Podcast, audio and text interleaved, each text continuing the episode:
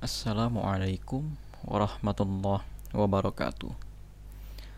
Alhamdulillah Allah Subhanahu wa taala memberikan kita kesempatan untuk sama-sama mempelajari apa itu sirah nabawiyah. Salawat dan salam kita panjatkan kepada Rasulullah Sallallahu Alaihi Wasallam yang pada kesempatan kali ini kita akan mempelajari sejarah hidupnya. Akan tetapi, saya pada hari ini akan menjelaskan terlebih dahulu apa sih sirah nabawiyah itu dan bagaimana sih sirah nabawiyah itu? Nah, rekan-rekan sekalian, sirah nabawiyah itu sebetulnya adalah kisah hidup dari Rasulullah Shallallahu Alaihi Wasallam.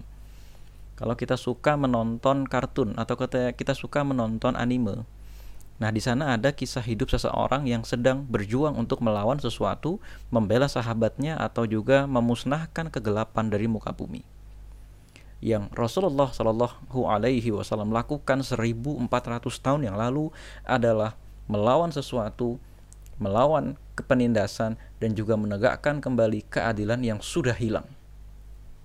Sirah Nabawiyah berkisah mengenai Rasulullah Shallallahu Alaihi Wasallam. Sirah Nabawiyah berisi tentang bagaimana cara Rasulullah Shallallahu Alaihi Wasallam menegakkan Islam, menegakkan Al-Quran dan kemudian menegakkan syariat Allah Subhanahu wa taala setelah sebelumnya di muka bumi ini tidak ada lagi orang yang beriman kepada Allah Subhanahu wa taala. Sirah Nabawiyah, rekan-rekan sekalian, berisi kurang lebih kisah Rasulullah Shallallahu alaihi wasallam sejak beliau dilahirkan oleh Aminah. Ya, kemudian sampai diakhiri ketika eh, Abu Bakar As-Siddiq diangkat menjadi khalifah pengganti Rasulullah Shallallahu Alaihi Wasallam ketika Rasulullah Shallallahu Alaihi Wasallam diwafatkan.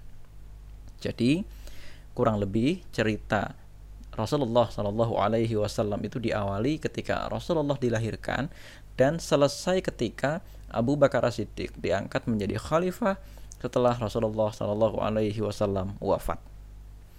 Ada apa saja sih di dalam kisah Sirah Nabawiyah itu? Pertama, kurang lebih kisah Rasulullah dilahirkan oleh Aminah. Ayahnya bernama Abdullah, kakeknya bernama Abdul Muthalib. Setelah kisah Rasulullah Shallallahu Alaihi Wasallam dilahirkan, nanti ada kisah ketika Rasulullah Shallallahu Alaihi Wasallam itu remaja. Saat remaja, beliau menyaksikan sebuah perang besar antara kaum Quraisy yang menjadi kaumnya Rasulullah dengan kaum Qais Ailan Perang besar ini terjadi karena masalah sepele sebetulnya, yaitu saling menghina antara satu kaum dengan kaum yang lain. Di masa remaja, Rasulullah Shallallahu Alaihi Wasallam memperhatikan bahwa saling menghina antar suku, saling menghina antar orang, saling menghina antar negara itu tidak bagus. Karena Rasulullah Shallallahu Alaihi Wasallam melihat itu semua menghasilkan perang dengan sejumlah besar korban jiwa. Akan tetapi, karena Rasulullah Shallallahu Alaihi Wasallam berkewajiban melindungi kota Mekah, maka Rasulullah Shallallahu Alaihi Wasallam ada di pihak kota Mekah dan saat itu Rasulullah berperan sebagai pengambil anak panah yang sudah dilontarkan kepada musuh dan diambil lagi untuk dipergunakan kembali. Saat itu kurang lebih usia Rasulullah 15 tahun.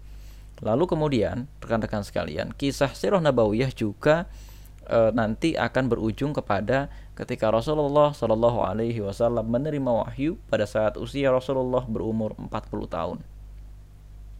Yang memberikan wahyu kepada Allah Subhanahu wa taala adalah Allah Subhanahu wa taala akan tetapi melalui perantaraan Jibril. Jadi, wahyu itu bukan ciptaan Rasulullah. Wahyu itu adalah perkataan Allah Subhanahu wa taala. Wahyu itu adalah pesan dari Allah Subhanahu wa taala cuma diperantarai lewat Jibril. Wahyunya dikirim oleh Jibril dan wahyu pertama adalah surat Al-Alaq ayat 1 sampai 5. Yang di antara bunyi ayatnya adalah A'udzubillahi minasyaitonirrajim. Bismillahirrahmanirrahim. Iqra bismi rabbikal ladzi khalaq. Khalaqal insana min 'alaq dan seterusnya. Nah, Kenapa wahyu itu bukan ciptaan Rasulullah Shallallahu Alaihi Wasallam? Kenapa Al-Quran itu Allah yang menciptakan, bukan ciptaan dari Rasulullah Shallallahu Alaihi Wasallam? Karena yang pertama, agama Islam itu memang dirancang agar manusia menyembah Allah Subhanahu wa taala, bukan menyembah Rasulullah. Dan agama Islam itu adalah petunjuk dari Allah Subhanahu wa taala agar manusia bisa hidup dengan lebih baik.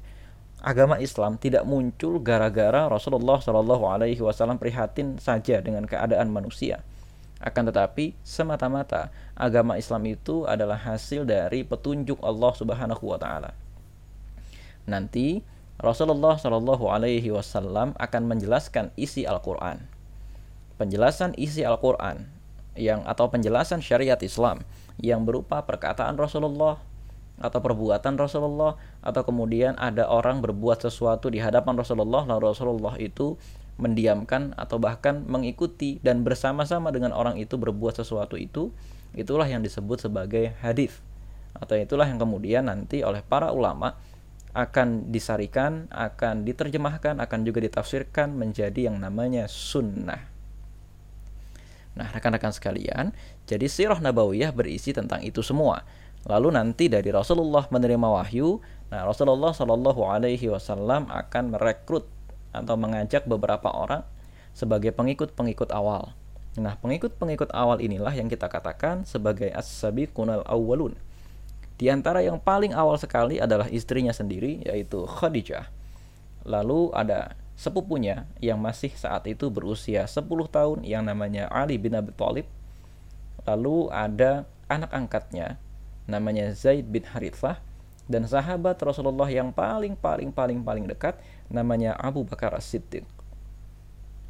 Nah, nanti dari mereka lah ya rekan-rekan sekalian kemudian Islam itu berkembang berkembang dan terus berkembang sampai akhirnya nanti karena seisi penduduk kota Mekah itu memusuhi Rasulullah Lalu Rasulullah Shallallahu Alaihi Wasallam terpaksa berhijrah meninggalkan kota Mekah. Kenapa diusir? Wajar, karena pada saat itu Rasulullah Shallallahu Alaihi Wasallam menyerukan sesuatu yang tidak disukai oleh kaumnya yang sudah biasa berbuat jahat. Kita lihat misalnya ada orang suka berzina. Lalu kalau kita katakan jangan berzina, tentu orang itu marah. Ada orang terbiasa mencuri, lalu kalau kita katakan, hei jangan mencuri, tentu orang itu akan marah. Kalau ada orang terbiasa berpacaran lalu kita katakan kepada dia, "Eh, jangan pacaran. Pacaran itu dilarang oleh Allah Subhanahu wa taala." Tentu dia akan marah. Apalagi kalau kita katakan kepada orang yang biasa menyembah pohon, biasa menyembah gunung, biasa melihat ramalan cuaca, eh, ramalan bintang.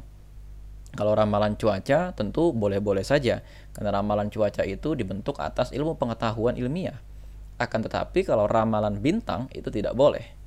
Nah, bayangkan ada orang yang terbiasa percaya kepada bintang-bintang, percaya kepada setan atau meminta pertolongan kepada jin ya, terbiasa berbuat sihir dan lain sebagainya, tiba-tiba dilarang oleh Islam. Tentu mereka akan marah dan itulah yang menjadi sebab kenapa Rasulullah Shallallahu alaihi wasallam akhirnya diusir oleh kaumnya. Rekan-rekan sekalian, Kemudian setelah diusir, Rasulullah Shallallahu Alaihi Wasallam berhijrah ke kota Madinah dan di kota Madinah ternyata Rasulullah itu berhasil membentuk kekuatan yang baru.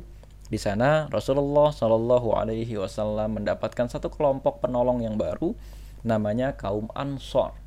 Kaum Ansor berasal dari kata bahasa Arab yang artinya para penolong. Nah, rekan-rekan sekalian, kisah sirah nabawiyah itu nanti baru berakhir atau ditutup pada saat Rasulullah Shallallahu Alaihi Wasallam wafat lalu orang-orang para sahabat Rasulullah mengangkat Abu Bakar As-Siddiq sebagai khalifah. Nah, rekan-rekan sekalian, setelah kita mengetahui apa itu sirah nabawiyah, tentu ada sejumlah manfaat kenapa kita harus mengetahui sirah nabawiyah. Yang pertama, agar kita tentu saja mengenal bagaimana cara Rasulullah Shallallahu Alaihi Wasallam berbuat yang kedua, agar kita mengetahui apa sih ajaran agama Islam itu, apa sih yang diperintahkan oleh ajaran agama Islam itu dan bagaimana sih cara menjalankan agama Islam sesuai dengan tuntunan Rasulullah Shallallahu Alaihi Wasallam. Sebagiannya akan bisa kita ketahui ketika nanti perlahan-lahan kita mempelajari sirah nabawiyah. Rekan-rekan sekalian, kira-kira itu dulu yang bisa saya terangkan hari ini. Assalamualaikum warahmatullahi wabarakatuh.